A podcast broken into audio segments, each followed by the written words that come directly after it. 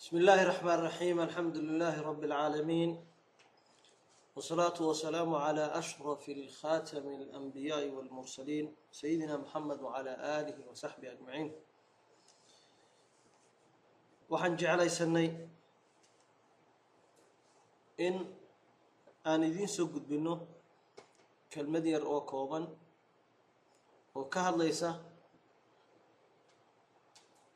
sifaadka dadka wan wanaagsan ee mu'miniinta ah. Sida aayadaha hadda. La akhriyey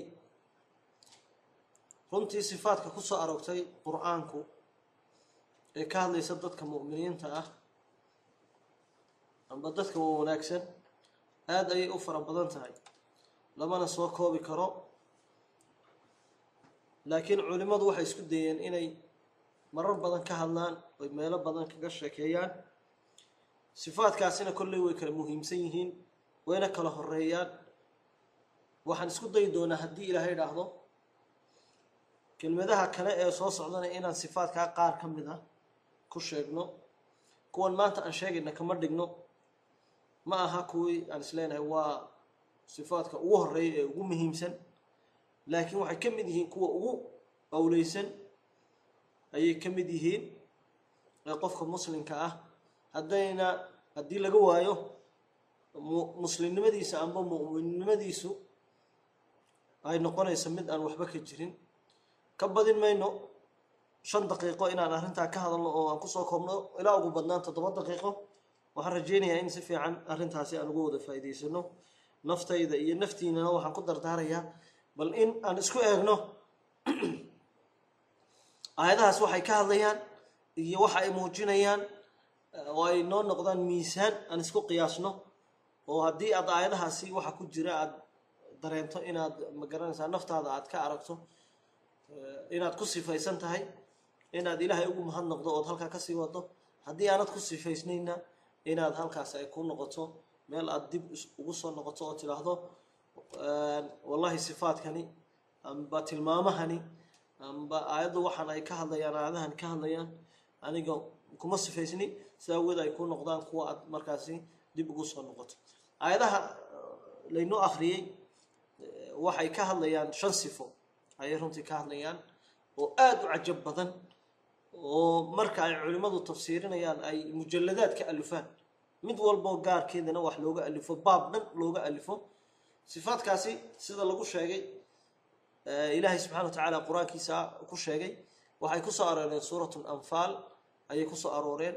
Markii laga hadlayay yasaluunaka can ilanfaali qul ilanfaalu lilahi wاrasuul suurat lanfaal oo aada si fiican u taqaanaan qisooyinka ay ka sheekaysay iyo waxyaabaha ay ka hadashay oo ah inay dagaalkii beder yowm lbeder amba ma garanaysaa dagaalkii ugu horreeyey ee dhex maray muslimiin iyo gaalo. Ummadda nebi maxamed inay si fiican uga sheekeeyeen oo ay si fiican suuraddaasi uga hadashay ayay aayadahaasi suuraddaasi ayay ku soo arooreen runtii suuratu anfaal waa suurad yaab badan. Haddii waktigu inoo saamaxana marar kale waan ku soo noqon doonaa haddii ilaah idhaahdo meelaha kale ay kaga warantay qisaska noocaas. Aayadahan si kooban haddaan u sheegno waxay ka hadlaysaa sida aan sheegnay shan sifood.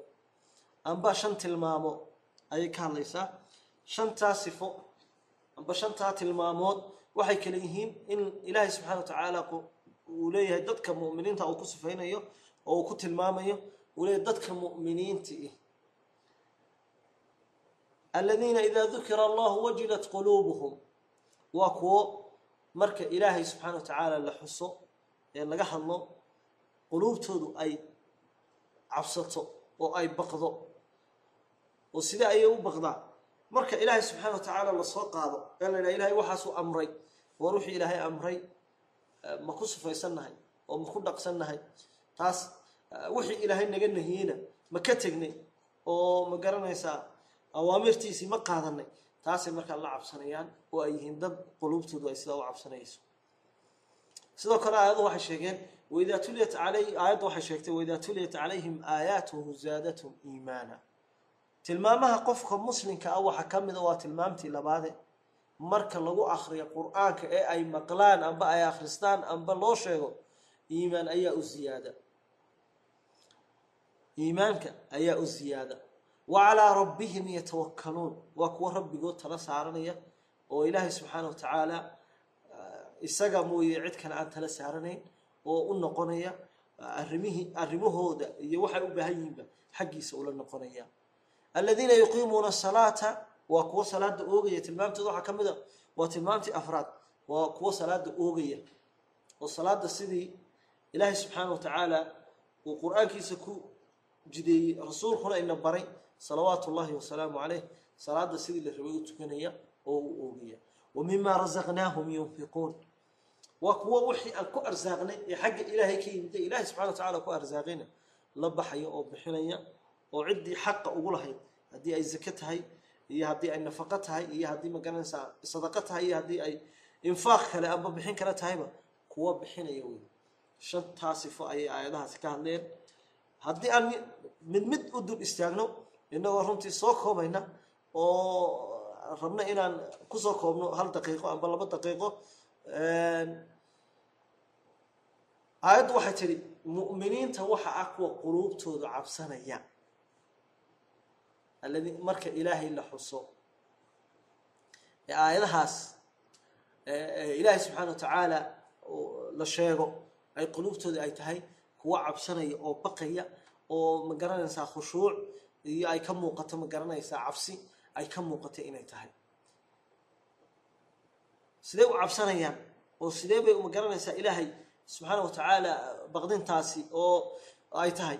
Waa mid runtii culimada qaarba xataa markay sufaynayeen si daqiiqa ayay u sufeeyaano la yaab leh oo yidhahdaan ma garanaysaa qofka muslimkii amba sidii xadiiskii ma garanaysaa nabiga salawaatu ullahi wasalaamu caleyh laga wariyey ee uu yihi ninka mu'minkii marka uu dembaabo wuxuu u arkaa dembigiisii inuu yahay buur uu hoos fadhiyo oo uu ka cabsanaya inay ku soo dhacdo.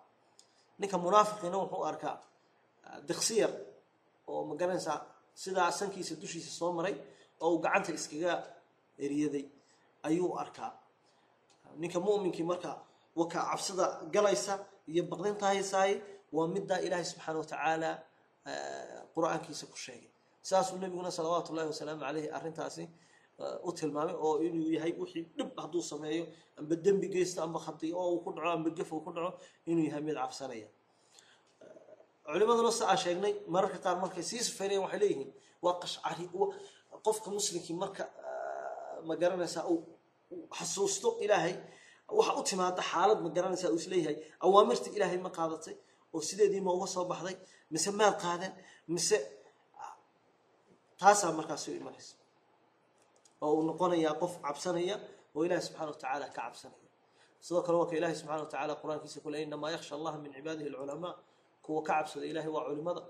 Inta ilaahay ka cabsata ee magaranaysa waa dadka culimada un cid kale kama cabsato.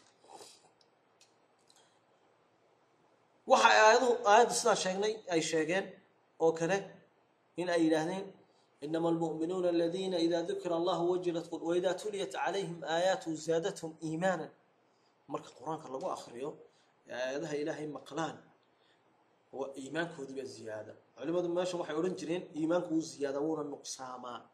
Waa meelahay culimada ahlu sunna waljamaaca odhan jireen jumhuur lculamaa isku waafaqsanaayeen in marka qofku daacaadka uu sameeyo ee uu wanaagga sameyna iimaankiisa uu ziyaadayo marka uu xumaan la yimaadana ou magaranaysa aayadda marka meeshaas waxaan ka arkaynaa haddii aada is arkayso in iimaankaagii uuna magaranaysa wanaagga ku ziyaadayn iyo ma garanaysaa khayrka amba uuna xumaanta markuu arko ka didayn oo uuna ka cabsanayn oo uuna magaranaysa nuqsaamayn in meeshaasi dib uu qofka iskugu laabto oo is yidhaahdo waxbaa jira.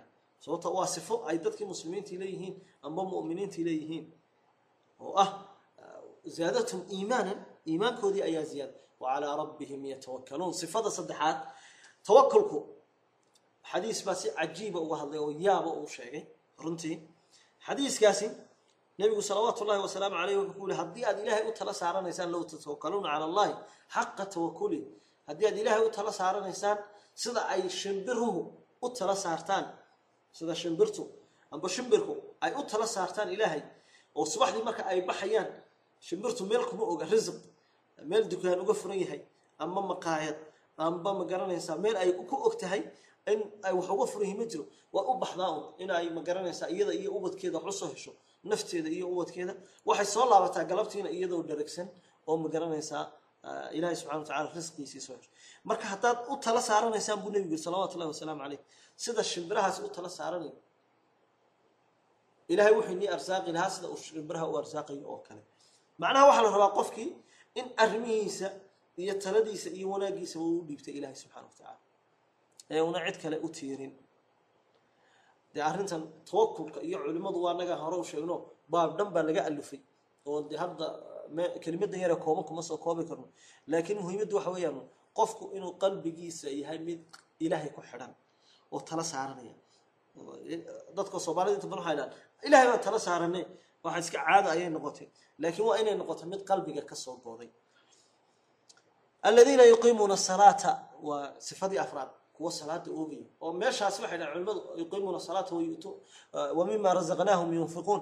Waxaa soo galaya dhammaan xuquuqdii ilaahay oo dhan inay ishaaraysaa mooda aayaddu iyo xuquuqdii ay dadku kugu lahaayeen.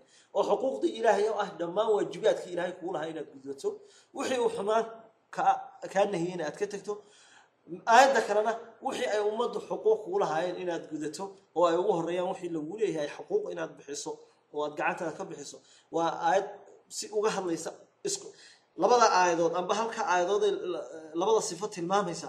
Inay midna sheegayso ku xidhnaashahaaga ilaahay aad ku xidhan tahay inay ka mid tahay sifooyinka dadka mu'miniinta ku xidhnaanshaha aad ummadda dhinaca kale ku xidhan tahay ee ummadda aada la dhaqan tahay aad infaaq aada waxbixin iyo ku ugu xidhan tahayna inay tahay nin labadii dhinacba korkiina waad ku xidhan tahay hareerhaagina waad ku xidhan taho ummadda iyo korkiina waad ku xidhan taho ma garanaysaa xidhiirkii ilaahay subxana wa tacaala wey wixii hareeraha kaa xigay iyo dhinacyada kaa xigina waad ku xidhan taho waa khalqigaagii. Oo sida awgeed ayay dadka muslimiinta ku sufaysan yihiin. Dee salaada iyo khushuucdeeda iyo dee aayado dhan baa ka warramay iyo nusuus badan. Meesha kuma soo koobi karno. Laakiin waa dad salaada oogaya waxay lagu waajibiyen meeshaasi aayaddu waxa aayaduhu markay intaa sheegeen waxay ka warrameen natiijada ka dhalanaysa. Shariidkan midka ku xiga amba kelmadda kelmadda ku xigta ayaa natiijooyinkaas oo iyaguna sidan oo kale u kooban aan kaga hadli doonaa ee la soco walaalka muslimka ahow. Aad baad umahadsantihiin intaa waa inaad idinka badiyo maa rabin laakiin waxaad moodaa aayadahan inaan waxoogaa aan aada u soo koobnay. Dee qur'aanka oo dhanna waa waxa ka buuxa xikam iyo ma garanaysaa. Shantaa sifo ayaan maanta ku soo koobaynaa. Wasala allahu calaa sayidina maxamed wacala aalihi wasaxbihi wasalam